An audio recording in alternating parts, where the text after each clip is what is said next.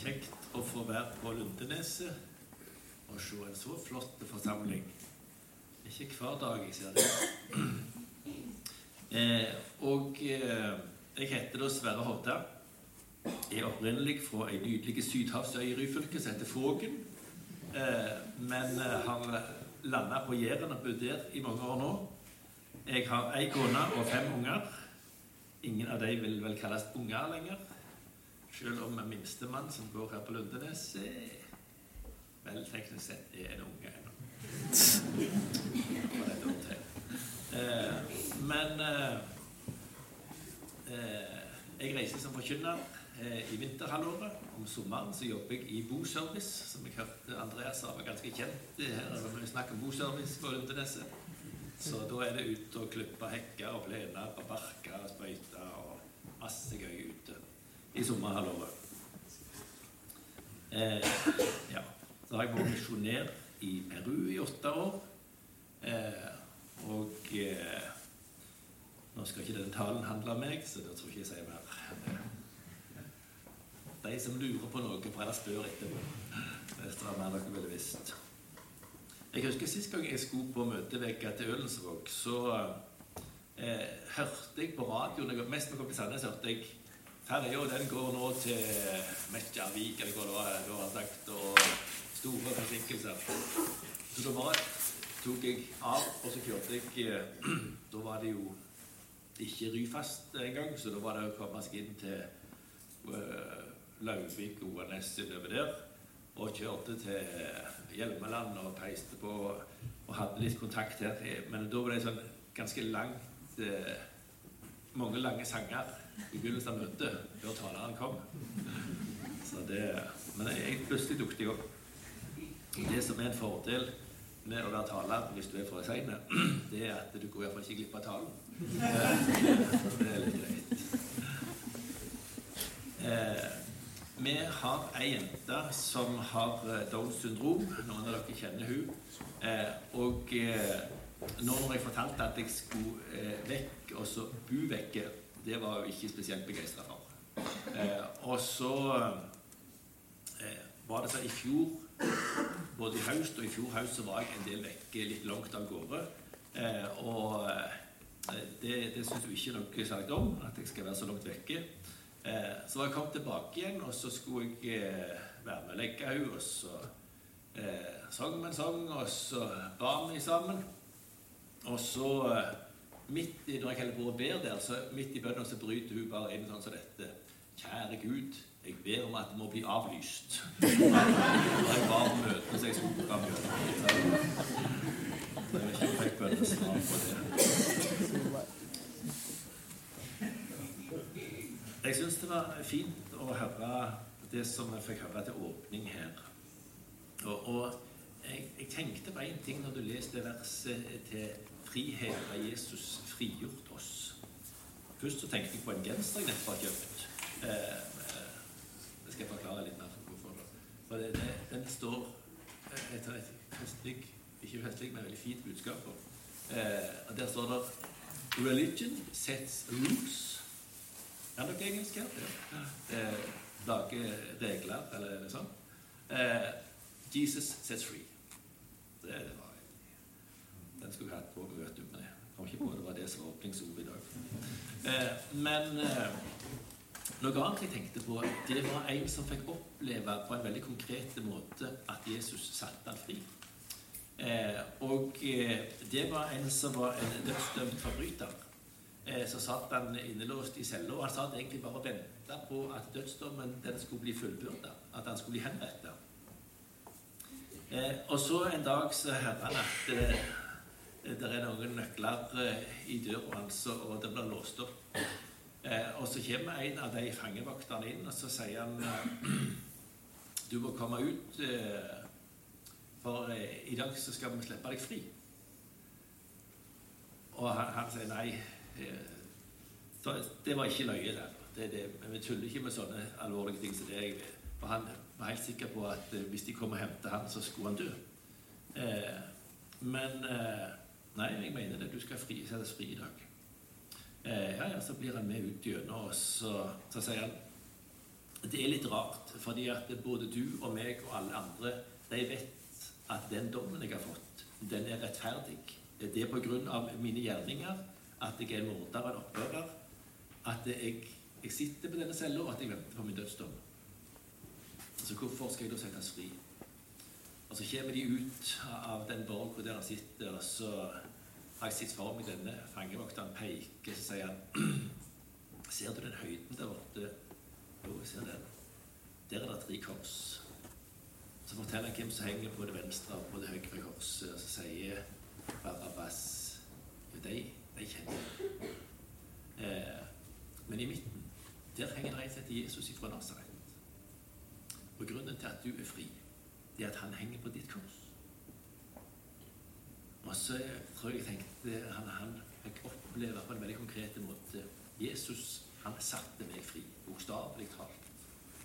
Eh, og så, kan det være illustrasjon for deg og meg og, som vet det, at vi har gjort oss fortjent til straff. Får vi som fortjent, så går det gale med oss alle som regel. Eh, men ser en som har kommet og så gått i vår plass, sånn at vi kan slippe å få som fortjent. For han fikk det som vi hadde fortjent. Og jeg har tenkt at Trygve Bjerkreim kanskje tenkte han på Barabbas når han skrev i tredje verset på sangen 'Takk at du tok mine byrder'. Så vil ved korset jeg stande. Med undring jeg ser jeg er fri. Jeg skal ikke dø, jeg skal leve med Jesus til evig tid. Jeg har ennå ikke begynt på preika.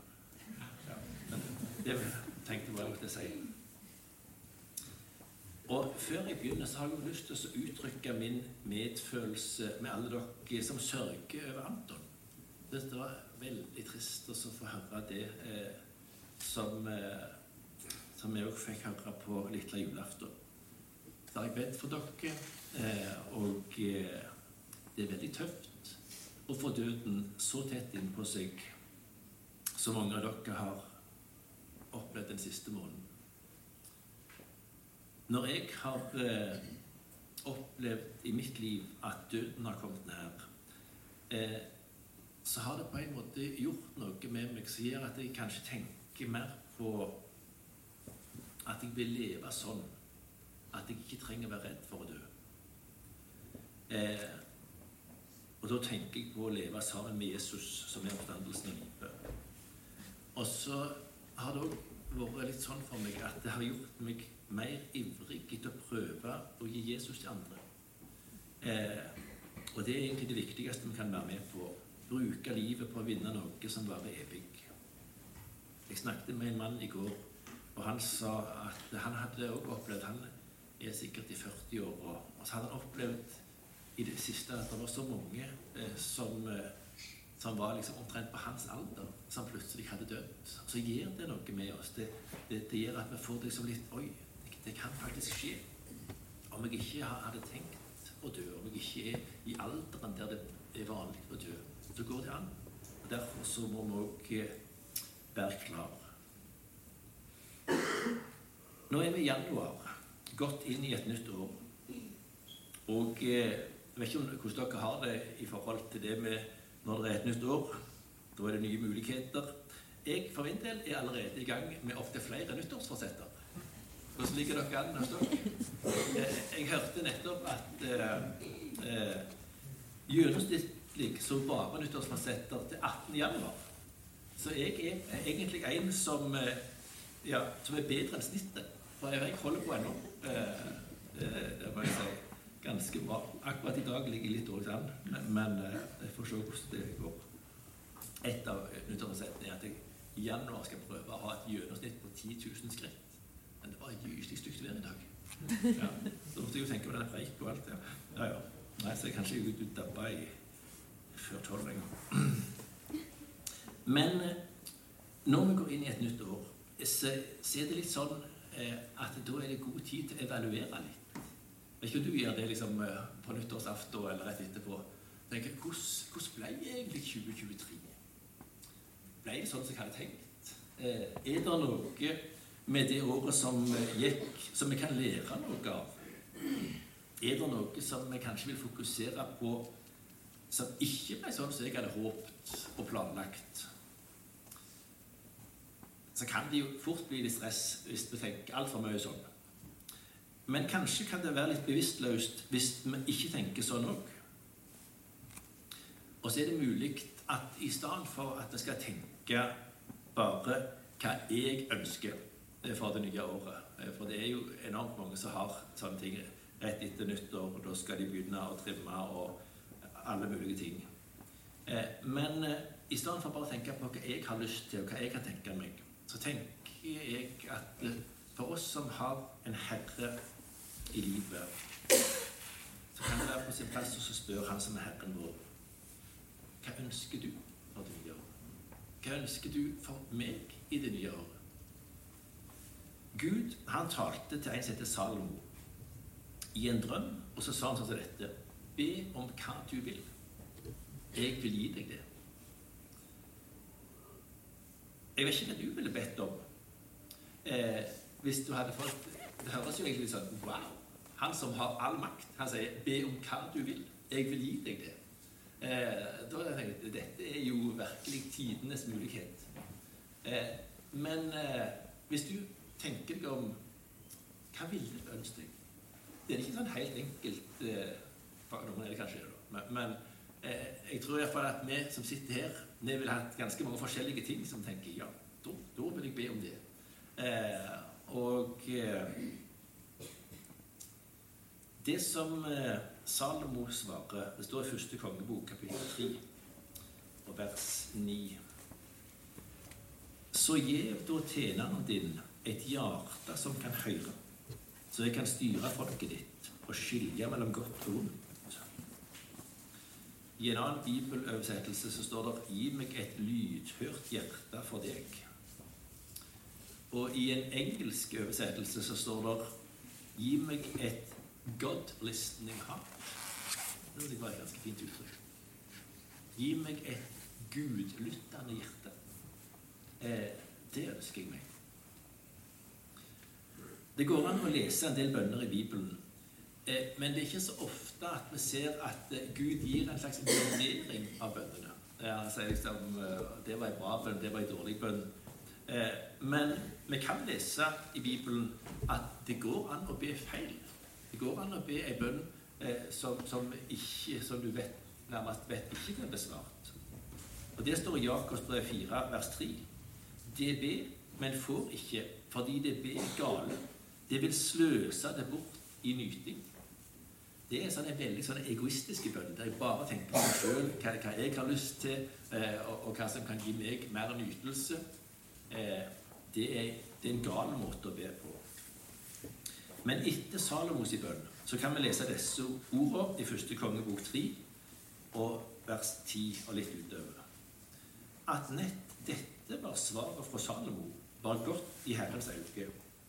Og Gud sa til ham, siden du ba om dette, og ikke om et langt liv eller rikdom, eller at fiendene dine skulle dø, men om vit til å skjønne hva som er rett, så vil jeg gjøre det du har bedt om. Jeg gjev deg et vist og vitug hjerte. Aldri før har det vært noen som deg, og din like skal heller aldri komme. Og det du ikke ba om, vil jeg gi deg, både rikdom og ære. Det er ei bønn som behager Gud. Det er ei bønn der Gud sier det var ei, ei god bønn. Og det er når vi ber om hjertet som kan høre ifra Gud. Hjerter som kan høre hva Gud vil. Og som vil la livet preges av det som Gud sier. Det er noe som Gud syns er godt i hans øyne. Vår tid er preget av mange inntrykk. Om vi går konstant med hele verden i lomma. Ikke alle har sånn en kul eh, dings som jeg tar mobilen i. Den syns ungene mine er skikkelig stilig. Eh, men nei, jeg forstår det. Det er litt sånn 1973. Eh, men eh, sånn er det. Jeg er min modell. Men jeg ser stadig at det er noen som går sånn, sykler sånn, er på sparkesykkel sånn. Og hvor de er, så er de sånn. Og kanskje med propper i ørene i tillegg. Og det er umulig å få kontakt med dem. Noen forholdsvis nært meg òg kan holde på sånn. Mange må sjekke et eller annet mer eller mindre hele tida. Eh, og det som i min oppvekst var tid til å kjede seg, det er det ingen som vet hva er lenger. Eh, nå er det ikke tid til å kjede seg, for, for det er jo stadig en snap. Det er nyheter, det er film, det er Facebook, det er musikk, det er podkaster. Eh, det, det, er uendelig. Eh, YouTube. Eh, så, så hvorfor kjede seg? Hvorfor bare la tankene seile? Hvorfor søke stillhet og ro når det er all verdens ting det går an å høre på og se på? Hvis vi skal kunne lytte, så trengs det tid, og så trengs det stillhet. Et lydhørt hjerte fra Gud kan ikke være konstant fullt med andre ting og stadig opptatt. Det er noen uttrykk i Bibelen som vi har hørt mange ganger. Kanskje så mange at vi ikke legger merke til hva det sier oss. Et slikt uttrykk er noe som jeg husker at min far minnet oss på mange ganger. Han døde ganske plutselig, og så måtte jeg tenke etterpå Var det noe han sa til oss unger og til barnebarna sine som, liksom, som jeg tenker Det var noe typisk han. Og da kom jeg på at det, som han hadde sagt til oss mange ganger når vi var samla, det var et ganske kort uttrykk. Og det var 'ett er nødvendig'. Det er sant. Eh, og det er ganske sterkt. Egentlig et oppsiktsvekkende utsagn at det er én ting som er nødvendig. Hvis det er sant.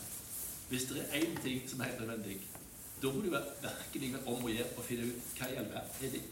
Er det bare én ting som er helt nødvendig hvis du vil nå himmelen, hvis du vil leve med Gud?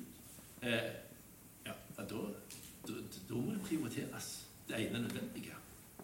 Vi skal lese der det står i Lukas 10, eh, fra vers 38. Mer det var på vei kom Jesus til en landsby. Og ei kvinne som het Martha, tok imot han i heimen sin. Hun hadde ei søster som het Maria, og Maria satte seg ved Herrens føtter og lydde på ordet hans. Men Martha hadde det så travelt med alt hun skulle stille til. Hun gikk opp til dem og sa, 'Herre, bryr du deg ikke om at søsteren min lar meg være tjener alene?' 'Si til henne at hun skal hjelpe meg.' Da svarer Herren, Martha, Martha, du gir deg strev og uro med mange ting, men det er ett som er nødvendig. Maria har valgt den gode delen, og den skal ikke takes fra henne. Jeg bor på Jæren, og jeg hørte en som sa Jeg hørte en som sa at det, det beste ettermælet en jærbu kan få, det er hvis de sier på minnemøte sånn som dette Han var god å arbeide. Eh, da, da, er det liksom Det, da, det, det, det er topp karakter på Jæren. Han var god arbeider. Eh, og du ser sikkert for deg Martha når hun har fått besøk, og et litt viktig besøk, en som er glad i, en som har lyst til å sette pris på. Du ser hvordan hun spinner rundt. Her skal, det, her skal det ikke spares på noe. Her skal liksom det beste fram på bordet. Eh, og i full sving eh, for å gi besøket det beste du kan komme på. Men etter hvert så er det akkurat som det liksom dabber litt av. Og så, så aner du at det der surrer noe. Du irriterer seg. Hun irriterer seg midt i sitt, eh, sin, sitt arbeid. Og det er Hvorfor hjelper ikke søsteren min meg med dette? Her holder jeg på. Det er ganske mye igjen. Og så lar hun meg være alene. Og jeg tror hun er ganske sikker på at hun skal få medhold når hun går til Jesus og klager på dette. Så jeg er ganske sikker på at Jesus ja, ja, Maria, skjerp deg. Eh, nå, må du ta deg i sammen, ikke bare sitte her. Eh, og, og, når hun kommer der og så sier det eh, Jesus, kan ikke du bare si til henne at nå må hun faktisk ta seg sammen og, og være med her? Eh, da kommer dette veldige uttrykket fra Jesus. Martha, du, du gir deg strev med mange ting. Men det er én ting som er nødvendig. Og det er det som Maria har valgt. Og hun valgte å sette seg ned og lytte. Lytte til hva Jesus hadde å si. Høre hva Jesus hadde å si. Det var det ene nødvendige. Hun hadde et lydhørt hjerte. A God listening heart. Hun ønsker å ta imot ifra Jesus. Og det er det det handler om, å ha et lydhørt hjerte. Sette seg ned. Til og med selv om det er andre ting som skulle ha vært gjort. For jeg må få høre hva du, Herre, vil si meg. Jeg vet ikke om du har eh, tenkt på det, men hvis du har bestemt deg for at nå skal jeg faktisk ha sette meg ned, eh, lese litt fra Bibelen og be til Gud, da kommer du plutselig på Oi sann, jeg har glemt det skulle Det har jeg lovt, og det skulle jeg gjort. Oi, nei, søren. Der plinger det i telefonen òg. Eh, og så er det liksom det er et eller annet som gjør at eh, den roen der, den får du ikke eh, hvis du ikke tar den, nærmest. Hvis du ikke legger mobilen langt vekk eller på lydløs og, bare sier 'Nå har jeg bestemt meg. Nå skal jeg ha en tid for meg sjøl'. Det er, et ren en spesiell kamp om det. Hvorfor da? For det er flere enn deg som har hørt og vet at det er et som er nødvendig. Det vet òg han som har faktisk bestemt seg for at du ikke skal få leve med Jesus. Han som har bestemt seg for at deg skal det gå evig galt. Han vet òg det. Hvis jeg får noen vekk fra den plassen, da vinner jeg.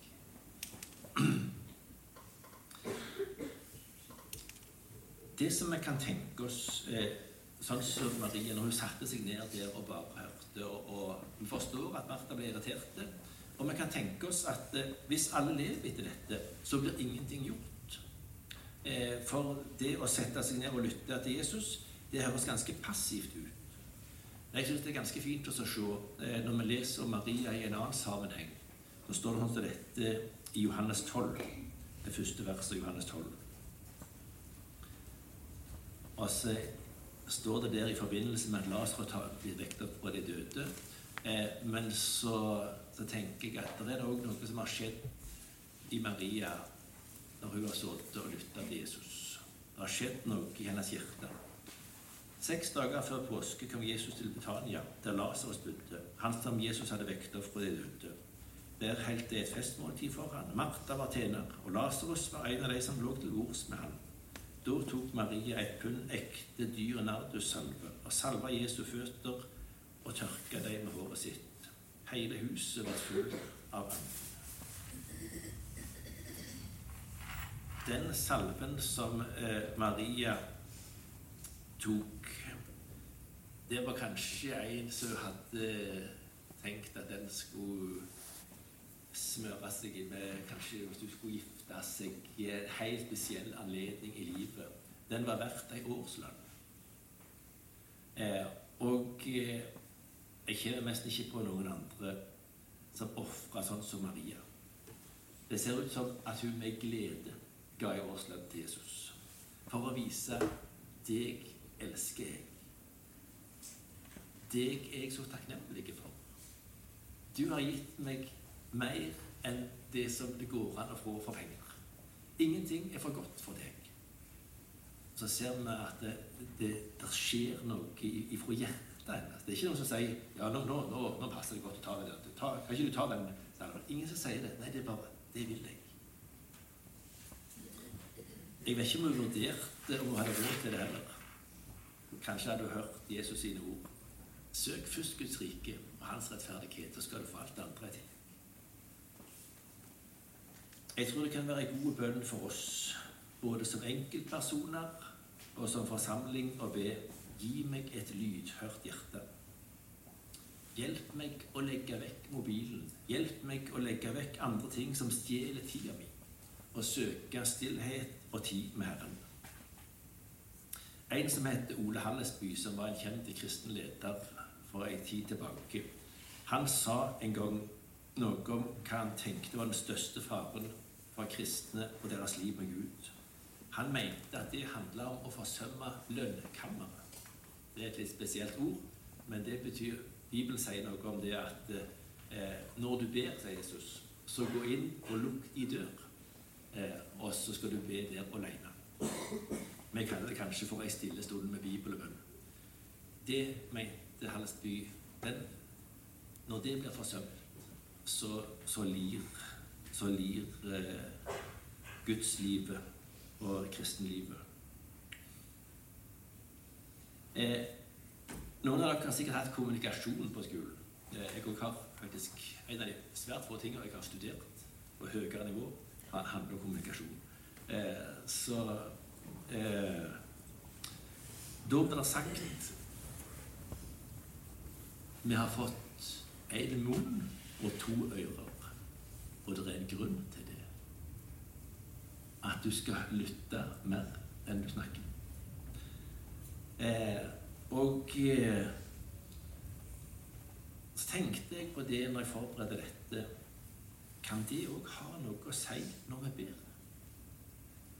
Nå skal jeg lese noe som er skrevet i en bok av det, han som heter Ole Hallesby. Veldig kjent bok om bønn. heter 'Fra bønnens verden'. Både unge og eldre. Hvis dere ikke har lest den, eller lenge siden du har lest den, så få tak i den. Den er sikkert både på hjemmebok og andre plasser. Nå skal du høre hva han skriver. Tenk om du gjorde slik hos en lege. Da din tur kom, gikk du inn til ham. Han bød deg en stol. Du satte deg og begynte å snakke om dine smerter og vanskeligheter. Når du hadde snakket både vel og lenge, så reiste du deg, hilste og gikk. Hva ville han tro? Ja, det er ikke godt å vite, men helst ville han vel tenke at det var et vanvittig menneske som hadde forvillet seg inn til ham. Slike pasienter har Gud besøk av hver dag i massevis. Men derfor betyr også våre bønnestunder så lite for oss. Vi går ut igjen som vi gikk inn. Og Herren ser vel så modig på oss når vi forlater sjelenes sikre lege, uten verken å ha fått eller søkt noe råd mot vår sykdom. Jeg syns det er ganske talende. Vi har en masse ting på hjertet, og auser det ut. Og så ja, amen. Eh, men, av og til, hvis vi spør, hvis vi har et lydhørt hjerte, så handler det òg noe om Jeg leser Guds ord og spør er det noe du vil si meg. Jeg ber, og så er jeg stille fra Gud. Er det noe du vil si meg? Var det noe du tenkte ville minne meg om? Var det noe eh, som eh, av det jeg har lest, eller det jeg har hørt, eller noe du hadde lyst til å si noe om? Jeg eh, En gang så, så hadde jeg hørt noe om dette, at eh, Gud han, han kan faktisk minne oss om noe. Og så tenkte jeg nå skal jeg prøve det. For jeg òg har litt sånn av og til travelt med å be, og så er ferdig. Nå skal jeg gi meg god tid, og så skal jeg be, og så skal jeg på en måte bare, bare se om det er noe svar å få, eller noe, som, som Gud vil minne meg om. Og så eh, så fikk jeg en tanke. Eh, og eh, siden jeg hadde bedt Gud om ledelse, siden jeg hadde bedt Gud om, å gi meg og tenkte jeg eh, jeg, jeg, jeg får eh, gjøre noe med det. Og jeg tenkte på en person. Så jeg sendte en melding, eh, og så sier de ja, lenge siden sist, og har lyst på en kaffe? Eh, Det hadde vært koselig å ha en drøs. Og så kommer det svar. Jeg lurer på om det er bare sånn dagen etter Ja, når passer det? Eh, og så var det en som hadde behov for en drøs. Vi avtalte når det passet. Han kom, og så fikk vi en god prat. Han kaller seg ikke kristen, men vi fikk snakket om Jesus òg sånn. Og så var det noe på noe som Gud bare la, la der på en måte. Så han minte meg om, og så var jeg lydig, selv om jeg visste ikke hva sånn. En stemme fra Gud, men det var en tanke jeg fikk, og så, så kan Gud bruke det. Kanskje er det litt sånn at vi skal være litt mer åpne for oss å lytte. Er det noe du ville si med Gud? Er det noe du ville minne meg om? Jeg leser noe eh, når jeg forberedte dette, og der var det en som snakket om å ha et lydhørt hjerte. Det kan også handle om overfor mennesker. Mange mennesker er ensomme. Eh, og eh, de har kanskje ikke noen som kommer til dem, og som snakker med dem, og som spør hvordan de har det. Og så sier han sånn som dette Lån et menneske dine ører, og du har umiddelbart åpnet en sti til hans hjerte. Så det var ganske stilig. Eh, med å være lydhør for et menneske, så kan du åpne en sti inn til hans hjerte. Og for oss som òg ønsker å bety noe for mennesket i forhold til det med Gud, tenker jeg ja, faktisk er det ganske mye så har vi å si har jeg tid til noen eh, som kanskje hadde satt veldig pris på et besøk. At pris på at det var noen som var villig til å lytte til deg. Og så er det en eh, eh, fortelling som jeg har fortalt noen ganger, som jeg syns egentlig er utrolig bra i forhold til dette. Det var en barbeinte gutt eh, som stadig ble mobba eh, fordi han var en kristen. Og En dag så sa kameratene til han hvis Gud virkelig er glad i deg, hvorfor sørger han ikke bedre for deg? Han kunne jo f.eks. sagt til en eller annen at han skulle gi deg et par sko. Du skal gå her uten sko. Og så ble gutten taus en stund. Og så sa han med tårer i øynene Jeg tror at Gud sier det til noen, men de hører ikke etter. Og det er, jeg syns det er noe som har talt til meg.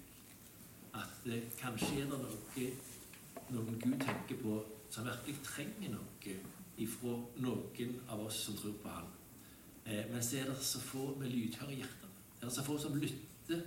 Eh, og så er det Gud har lyst til å si noe, eh, minnes om noen, gi hjelp til noen mennesker. Eh, Herre, gi meg et lydhørt hjerte. Gi meg God listening heart. Skal jeg lese en tekst til og så nærmer jeg meg slutten, for de som lurte på om dette ingen ende tar. Eh, så går det den veien, kan jeg love dere. Det står i Apostelgjerningen 8 fra vers 26 En engel fra Herren taler til Philip og sa:" Gjør deg ferdig og gå sørover på veien som fører fra Jerusalem til Gaza. Det er ei au strekning. Philip gjorde seg ferdig og tok ut. Da fikk han se en etiopisk hoppmann, en høy embetsmann som hadde tilsyn med skattkammeret hos Kandake, dronninga i Etiopia. Nå hadde han vært i Jerusalem for å tilbe. Han var på vei hjem og satt i vogna si og las på profeten Jesaja. Da sa anden til Philip, gå bort og hold deg attmed den vogna. Philip sprang dit bort og hørte at han las for profeten Jesaja. Skjønner du det du leser? spurte han. Hvordan kan jeg vel det når ingen rettleier meg, svarer han. Og han ba Philip komme opp og sette seg ved siden av han. Det stykket i Skrifta som han la fra dette, lik en sau det fører til slakting, lik et lam som teier når det blir klipt, vet han ikke opp sin munn. Da han var fornedra, ble dommen over han bortteken. Hvem kan fortelle om hans ett? For livet hans er rykt bort fra jorda. Hoffmannen sa da til Philip, si meg, hvem er det profeten taler om her? Er det om seg sjøl eller om en annen? Da tok Philip til orde. Han begynte med dette skriftordet og forkynte evangeliet om Jesus for ham. Men de kjørte fram etter veien, kom de til en stad der det var vann, og hoffmannen sa, Se, her er vann. Hva er til hinder for at jeg blir døpt? Tror du av hele ditt hjerte, så kan det gjøres, sa Philip. Jeg tror at Jesus Kristus er Guds sønn, svarer han. Så det han vågna stansa, de steg ned i vannet, både Philip og hoffmannen, og Philip døpte ham. Det er ikke sikkert at vi får oppleve det helt sånn som Philip. Eh, men eh, jeg syns at dette viser meg noe om at eh, det er ikke kjedelig å be Gud om å lede oss og tale til oss og minne oss om folk, minne oss om folk og være vitner for noen. Og så husker jeg også en som sa noe om dette her Det som Når eh, når Philip ble sendt der ut på denne øde veien, langt i Haiti, eh, så tenkte jeg hva kan det være her? Så fikk jeg en beskjed, og det var, det var ei vogn der. Bare, bare hold deg i nærheten av den vogna der. Eh, og så, ja, ja. Det, det, da fikk jeg det. Eh, og så åpna det seg opp, og da hørte han Han, han leser jo Bibelen. Eh, og så, så, var det liksom lett for han å spørre ja, forstår du det du leser. Eh, nei, det, det, jeg er jo ikke det. Jeg skal forklare meg.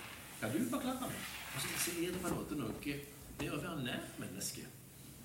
Med å være nær noen. Og så er det kanskje noen som Gud vil minne deg om.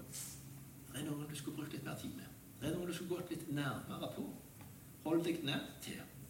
Og så kan Jesus òg bruke oss til å eh, til å få være vitner om ham. Det kan hende at en del av dere har dårlige erfaringer med nyttårsforsett. Så vi trenger jo ikke kalle det for det alltid. Men skal vi prøve å få en hellig vane Det høres bedre ut, ikke La oss prøve å få en hellig vane der vi setter av tid til å være stille, til å få noe ifra Guds ord, til å ause ut hjertet vårt, til å lytte om det på en spesiell måte er noe som Gud har lyst til å minne deg om. Og så husk at det er Husk det ganske sterke uttrykket som jeg minner dere om. Én ting er nødvendig. Jesus sier det så sterkt som det. Én ting er nødvendig. Og det var hun som satte seg ned for å lytte. Ikke bare være lydhør for Gud, men òg være lydig mot Gud når han minner deg om noe, eller når han minner deg om noen. Jesus, takk for ditt ord. Takk for at det er sant, og takk for at det er levende. Og takk for at eh, vi kan lære av det. Og så sier du noe om at eh, den bønnen som Salomo ba, om å få ha et lydhørt hjerte som kunne forstå din vilje, det var etter ditt hjerte. Det var noe du hadde behag i. Derfor vil vi òg be det. Kan du gi oss noen hjerter som lytter til deg, eh, og som søker stillheten, og som prøver å legge til side alt det som vil ta tid og oppmerksomhet, sånn at eh, du kan få nå inn til vårt hjerte. Og så ber vi om at eh, du kunne bruke oss, sånn at vi kunne få nå noen andre sine hjerter med ord om deg